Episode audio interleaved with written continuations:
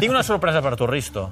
Perquè hi ha un col·laborador d'aquest programa que ens ajudarà a recordar més moments del teu pas pel Barça. Qui pot ser? Qui, qui creus que pot tenir una molt bona memòria? Oh. Uno que jugaba de Romario, puede No, ser. no, no, no que- jugava, no jugava. ¿No? Mira, Tenía- que entri, que entri. Que Tenía entri. la máscara. Mira cap allà, mira qui tenim aquí. ¡Oh! Oh, Por favor. Oye, he venido para que no cuentes más mentiras. Bueno, Arriba Josep Maria Minguella. què tal? S'asseu aquí. Ara, ara anirem... Com anem? Minguella, fem una cosa. Fem una Digue'm. cosa. Ay, ay, ay, ay, ay.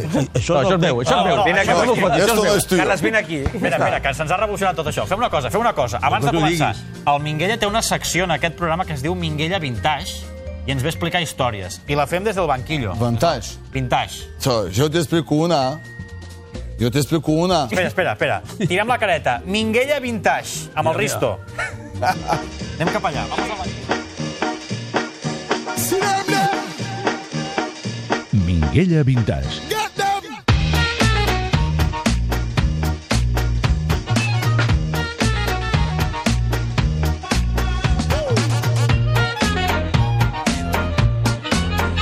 Ja som a la banqueta. Estoy flaco. No, estás bien, eh? elegante, tú, me gusta. Aquesta banqueta mola, eh? Home, i tant, aquí. Som un Sí. avión. Som un, Bueno, eh? prepárate. Así viniste, arranca así esto. viniste en Bulgaria, eh, con, con este. No, pero Sí, sí, era- más antiguos. Más. Quan us coneixeu, Risto i, i, i Josep Maria? Bueno, yo si no me recuerdo mal, Recordes el dia que el vas conèixer? sí, claro que sí. Fui, eh, De tot el Cristo. Aquí no me se escapa ninguno porque él fue culpable de salir de allá, de Bulgaria, comentando de, de Mister que descanse en paz y a Charlie que ese jugador es para, para Barcelona y me recuerdo fue un torneo en Palma de Mallorca. La primera vez que he visto José María Menguea, Con aquell bigoti, no? un bigotón de aquí, y cu- cuando tomaba café decía, metía el, el, el vasito y el bigotón se tapaba. Y bueno, pasando el Però tiempo... què vas pensar quan el vas No, no. veure? ¿Pero qué hicimos? Vosotros estabais en un hotel Sí, y tú te fuiste conmigo a la habitación de Johan y Cruyff en otro hotel. en otro hotel, pero tenía No que se pedir permiso. Tenía, digo al entrenador, digo, oye, voy a hacer poco de footing por fuera. Y claro, el, el fenómeno me espera con un, un Seat Panda era. ¿No? Bueno, ¿No ves? plan discreto. No ves, plan discreto. Pero bueno, esto todo lo que ha pasado. Pasó una, algo más y se presenta José María Menguea auténtico, sin bigote. Y digo, ¿este quién es? Digo, ¿este? No és el mismo, Dice, hey, yo soy José María Menguía. Digo, caray, ¿Cómo has cambiado? Tu, Minguella, quan vas conèixer el Risto, què vas pensar? Perquè era, una, era un personatge peculiar, o, o no? A veure, jo, jo el Cristo eh, vaig veure que era el que li faltava al Barça. Li vaig dir amb ell. I mira, el Barça té un equip molt bo, però amb gent, eh, anem a dir, Koeman, Ladrup, eh, tota una sèrie de Freda. jugadors... Sí, una mica... Li falta pólvora a l'equip. O una altra cosa, per no dir-la, no? Pólvora, pues queda bé. I, I això és el que li vaig dir al Johan. El Johan va dir, hombre, pues vamos a verlo y tal, van seguir y tal, van anar, fuimos a ver un partido con, en Marsella, ¿te acuerdas? Con, sí. con, con el CSK, bueno, i va, es van convèncer i, i el van fitxar. I precisament jo crec que el que més va aportar va ser aquest esperit, aquesta rapidesa, aquesta pólvora que va tirar que, que, que, que l'equip anés amunt. I vaig que el Cristo mentalment és un guanyador nat. Ell, ell va a Japó, acuerdo, no sé si te acordarás, y al cap de un temps me dijo, oye, yo no, yo no aguanto más aquí, tú. Digo, aquí a las 3 de la mañana se empieza a mover la casa. Bueno, pues esto pasa nada, no se caen las casas, ¿te acuerdas o no? Digo, pero lo peor, lo peor es que terminamos el partido, hemos perdido y están todos riéndose, tú. Drama. I jo digo, estos tíos no los aguanto, tu. Però vull dir, aquest és l'esperit Un, de... un, home, un home que va... Que va Vol guanyar mentalitat. sempre, vol guanyar sempre. Tinc la Laia Tudel, des de la unitat de seguiment de Quarts Domènec, eh, que ha estat buscant moments importants de Risto Stoichkov al Barça i els recordarem. A veure. a veure, a veure si Minguella i Stoichkov el recordeu. Laia Tudel, bona nit. Bona nit. tenim, uns, tenim moments eh, crucials de la vida del Risto, Bé, potser tampoc ho diria així, esportivament. perquè hi ha moments de tot. Hi ha moments importants i d'altres potser una mica més anecdòtics. Ah, bé. N'hem triat cinc, perquè la veritat és que l'arxiu de TV3 de Catalunya Ràdio és una mina, amb jugadors tan importants com Risto hi ha moltíssim material, Hi ha de tot. i hem triat cinc moments. Comencem per un que sí que és important, perquè és el dia que Risto firma pel Barça, al maig del 90. Veurem i escoltarem la crònica de TV3. Veurem un Risto bastant elegant, acostumats a veure les portades del diari abans que fitxés, aquell davanter búlgar. Corbata rosa, eh? Corbata les- roja, eh? Amb les grenyes. Camisa blanca, cor... Ara ho veurem. Clar, estàvem acostumats a aquell davanter búlgar amb molta grenya i el dia de la presentació va venir amb el seu vestit, al costat de Cruyff, de Núñez, i atenció amb el detall en el moment just de la, De la firma, del contracte. me recuerdo... Espera, espera, espera. A veure, A diferència d'altres ocasions, en l'acte de presentació hi va ser l'entrenador Johan Cruyff, el més interessat en el fitxatge. Aquest és el cinquè estranger que ha portat el tècnic holandès i el que fa 16 des que Josep Lluís Núñez és president. En el moment de la firma protocolària, Stoikov no va agafar la ploma que li oferia Núñez i es va treure un modest bolígraf de la seva americana. Aquest gest no va agradar gaire al màxim responsable barcelonista, que potser per un moment va pensar que, com s'afirmava en alguna ocasió, el davanter búlgar és una persona amb molt mal geni. O sigui, li vas dir a Núñez? No, no, jo con mi boli.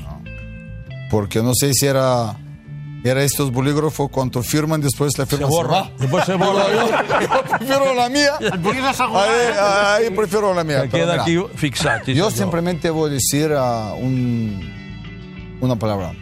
Gracias, Prezi, por ficharme, por dejarme abierta la casa de Barcelona. Te estimo, te quiero. Sé que en la vida hay momentos dulces, hay momentos duros, pero siempre estaré contigo porque fuiste la persona que sacaste a la chiquera, pagaste a CSK y Cristo Stoichkov vistió camiseta de Barcelona. Molt bé. Josep Lluís Núñez, l'home que va portar el Risto. Deia la crònica, eh, té fama de mal geni. Tenia fama de mal geni, Minguella, el Risto? Bueno, més aviat sí. Home, Mira. ens va explicar allò de la reunió amb el CSK. Sí, home, Què i va- tant. A, a, veure si, a veure si ens ho confirmes. A Mira, veure, primero, ¿Qué Josep María cuando- Minguella no bebe. No. Pero claro, nosotros tenemos costumbre en Bulgaria. Antes de una cosa, tienes que beber. Para que las ideas son claras y que veas y que veas las letras poco más grandes. Para ver, para que no hay excusas, ¿no? El José María de hora de negociar y todo eso, porque ya está todo, casi casi todo hecho. Le daban yogurt, le daban queso, le daban salame, no sé qué era. cola y- caliente. Co- No hay hielo, eh. aquí en la época tampoco hay hielo. Eh.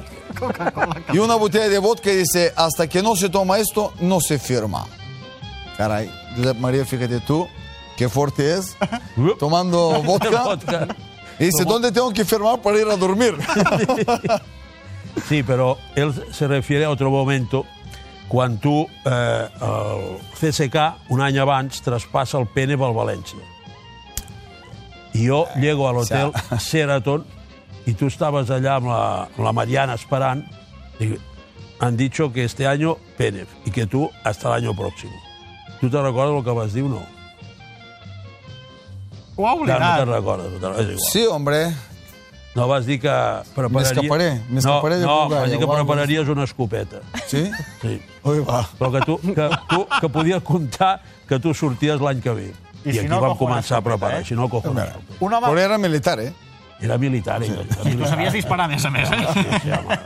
Bé, Laia, tenim un segon moment menys Sí. transcendent, però potser més cridaner. És bastant més anecdòtic, perquè Risto sempre hem dit que és un jugador que s'ha adaptat molt bé tant al Barça, però sobretot a la cultura catalana. I clar, ara el veureu en un registre que ara mateix sembla impensable que els periodistes puguem fer aquest tipus de reportatge amb un jugador del Barça. Perquè descobrim les vacances de Risto Stoichkov ¡Oh! ¡Qué bien, bien, bien. Mira que... Amb aquest Audi 90 vermell que tant temps havia somiat, Hristo Stoichkov i la seva família s'han desplaçat a Torre Valentina.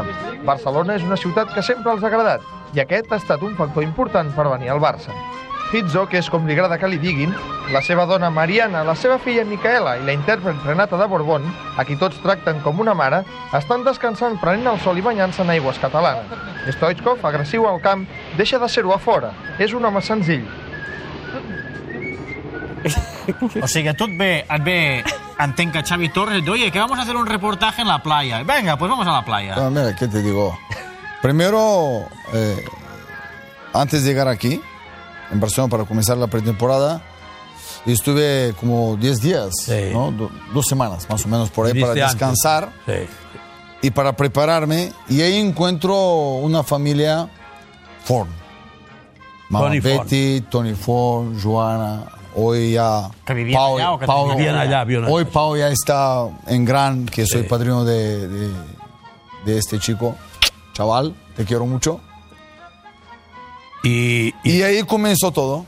Allà De Torre començar a- Valentino comenzó todo. Et començar a adaptar. Però... Torre Valentina, però has de recordar que el, que el directiu que va anar a, a Bulgària a firmar, perquè l'altre va ser l'oficial. Para mí, otra persona que descansa en paz fue Paco Ventura. Ara. De verdad que. De recordar a la gent que van- También un fuerte abrazo, un beso grande a la familia, porque también Paco fue un hombre que ha aportado al bolígrafo de, de- No, de- de Barcelona para, para firmar y hacer el último, digamos, el último papel que necesitaba Sí. para que yo salgo de. No, i, diu, I diu, bueno, vull tot això, que era molt poc per aquell moment, diu, i un Audi vermell.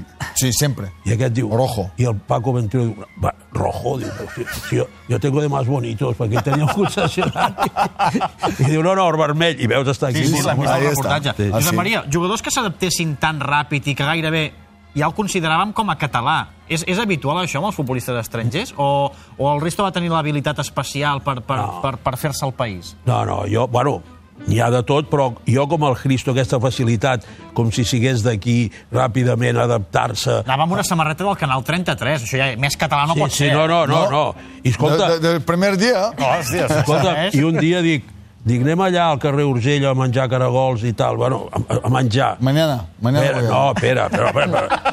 I, I llavors ens sentem allà i quan veu els caragols una mica s'aixeca i surt corrent. Esto hay que comerse. Bueno, al cap de pocs dies trucava el Lluís, que era llavors l'encarregat i tal, eh, súbeme 100 caracoles aquí a casa. I l'altre anava amb una bandeja de 100 caracols. O sigui, els caragols bé, no? Mira, i demà, Perfecte. demà diu que hi mañana, va. estamos ahí. Sí, demà aquí cargolada. Siempre, siempre. Va, tercer moment, dolorós.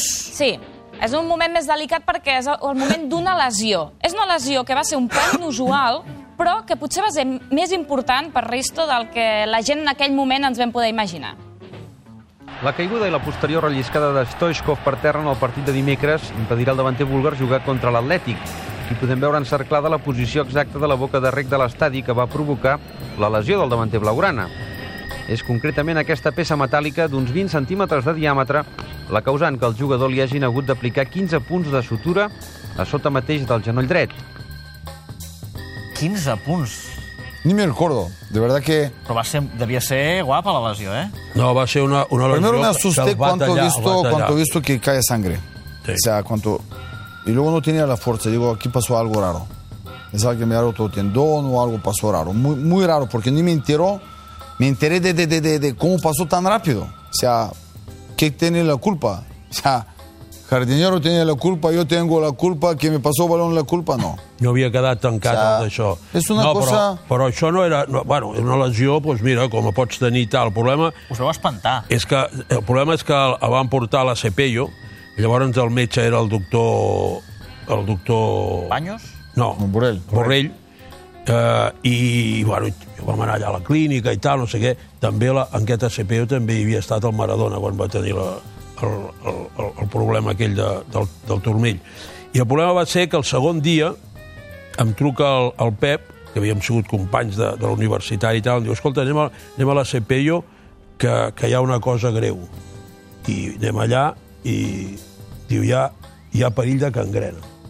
Perill de gangrena. El perill de gangrena. Això és una paraula molt lletja i no, no, no. que espanta. Jo, jo t'ho prometo que encara tremolo quan ho dic, perquè, perquè es veu que part de, de, dels abonaments o de l'abono que tenia aquella gerpa i tal, havia quedat dintre, l'havien netejat, però no es havia aconseguit del tot.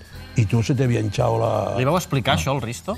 En aquell moment? Jo no me'n recordo. Sí, ya sabía, ya sabía todo lo que pasó. Tenia, ¿No estabas tenia... molt preocupat? Jo, jo estava Claro que tremolant. preocupado, ¿cómo voy a estar preocupado? Que sabiendo que mañana de mañana, primer jugador de la historia jugando pata- con pata de madera.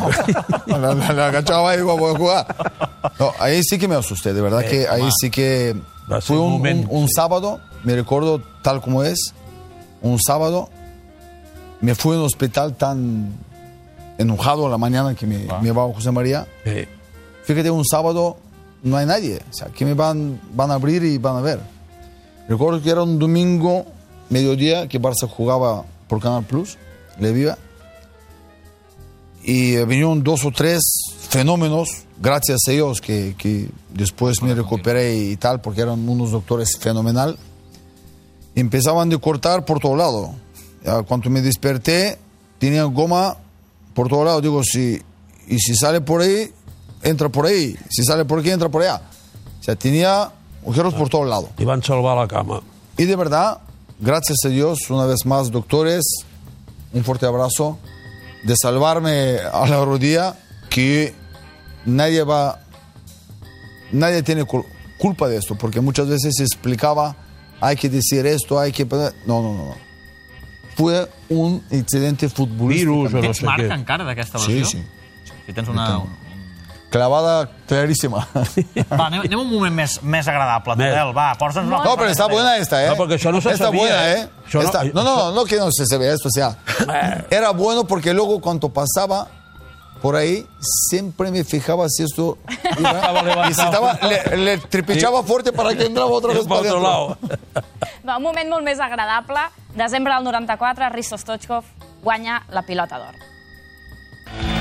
Christos Stoichkov ha fet realitat el seu somni i aquest vespre ha rebut la pilota d'or que l'acredita com a millor futbolista europeu de l'any. Desde pequeño es un sueño, después de ver tantos, tantos jugadores que ha podido ganar un premio como un balón de oro, como incluso en propio Mister tres veces. Clar, documentant-nos per aquesta història, he trobat declaracions de Risto Stoichkov tres dies abans de que et donessin el premi dient va ser per a mi. Convençut. Ah, convencido, ¿por qué? Porque... Eres, eres una mica xulet, no? ¿Chulet de qué? De, de, de, Ahora díselo ya. convençut, de, de... Pero díselo, díselo. Dile la verdad, hombre. O, o, tenies, o tenies informació privilegiada. No, no. Una me le quitan. En 92, L'any sí que me le anterior, quitan. l'any anterior, Me le 92, quitan. El 92 et tocava i no va ser. Entonces, el momento que tengo que, que- que ganar, porque con Barça gané que tengo que ganar, con selección de Bulgaria, estando en Mundial, llegando a la, la semifinal, máximo goleador. máximo goleador en Mundial, no tenía otro remedio. O sea, por mucho que hay, pero este balón de oro no es mío. ¿eh? Hombre, sí, lo tienes tú, ¿no? Yo le puedo tener donde, donde hay. ¿Dónde lo tienes? Este balón de oro es para mi familia, a este señor que está acá, a los catalanes, a mis compañeros, a Mister que descansa en paz, a la familia, a todos, porque solo no puedo ganar absolutamente nada. Por mucho que hay, mucha gente dice, yo, yo, yo, yo gano, yo. Este balón de oro no es mío, es una parte, es una parte. El resto es para todos. Però va ser molt important per tu. es importante de ganarlo. Futbolísticamente hablando, como, como, como jugador, sueñas de ganar. Clar. Le ves que otros jugadores que han levantado y dicen, ¿yo por qué no puedo? Yo quiero. Y esto fue, sí, tal como son las palabras de, de Mister, me decía, cuando me fichó, me dice, voy a trabajar contigo hasta que ganes balón de oro. Mira. Y premio es para él, porque yo le pedí para que venga conmigo en, en París para estar conmigo. Porque él trabajó conmigo. Él se, se dejaba las horas libres para estar conmigo, para enseñarme las cosas que tengo que hacer. Va haver una superfesta de celebració a Minguella després o no? Sí, home, clar, ya, yo, a mí me miras, a mí estaba la familia, la tuya, la mía, todos lo celebramos, hombre, era una gran fiesta. Claro Y- que sí, Y, lo- claro y que él sí. no, no le volía fer cas primero al Johan. Porque, ¿qué es lo primero que te dijo? Tú, de extremo derecho. Sí, Y tú dijiste, yo, no puedo. Digo, Déjame para allá. No, pero de verdad que, que y va a ser l'èxit. Sí, sí. cuando estás ya una vez arriba tienes que mantenerte. Tienes que estar. A mí este balón de oro sí que como prestigio futbolísticamente, como club, como ciudad, primer búlgaro de ganar esto, me da alegría, me da satisfacción de mi trabajo. Pero también tengo obligación, que tengo que estar ahí. No puedo vivir que, que este balón de oro ya, ya fútbol acabé. Ya se ha acabado todo. No, no, no. Ahí es tener que mantenerte y cada día, como he hecho Cristiano en los últimos años, en Messi, para mantenerte, para luchar. Si no, no, no tienes buena Por eso Messi es grande. O sea, Pilota d'or, entre altres coses, perquè Tudel va ser un home que es va fer un fart de celebrar gols. Es va fer un fart de celebrar gols i per això es va convertir en un dels jugadors més importants del Barça i per això tothom volia que es quedés sempre al Barça, però això que també costava. I acabem, per això, recordant aquest cinquè moment, les polèmiques. No polèmiques, polèmiques amb Hi ha àrbitres. Alguna no. hay, hay algunas sí. No polèmiques amb àrbitres, no polèmiques perquè a vegades amb Johan no jugava tant i va haver una època potser una mica de suplent. No, no, no. Polèmiques amb Núñez pel tema de la renovació. La nostra intenció és que volem l'Estoico amb una integració i una motivació total. Amb l'única variant és que si tu no et vols quedar, el Barcelona, el Barcelona et donarà facilitats perquè tu fitxis per un altre club. Si el club no hace esto que yo quiero, yo mañana mismo estoy en la venta. Yo mañana mismo estoy en la venta.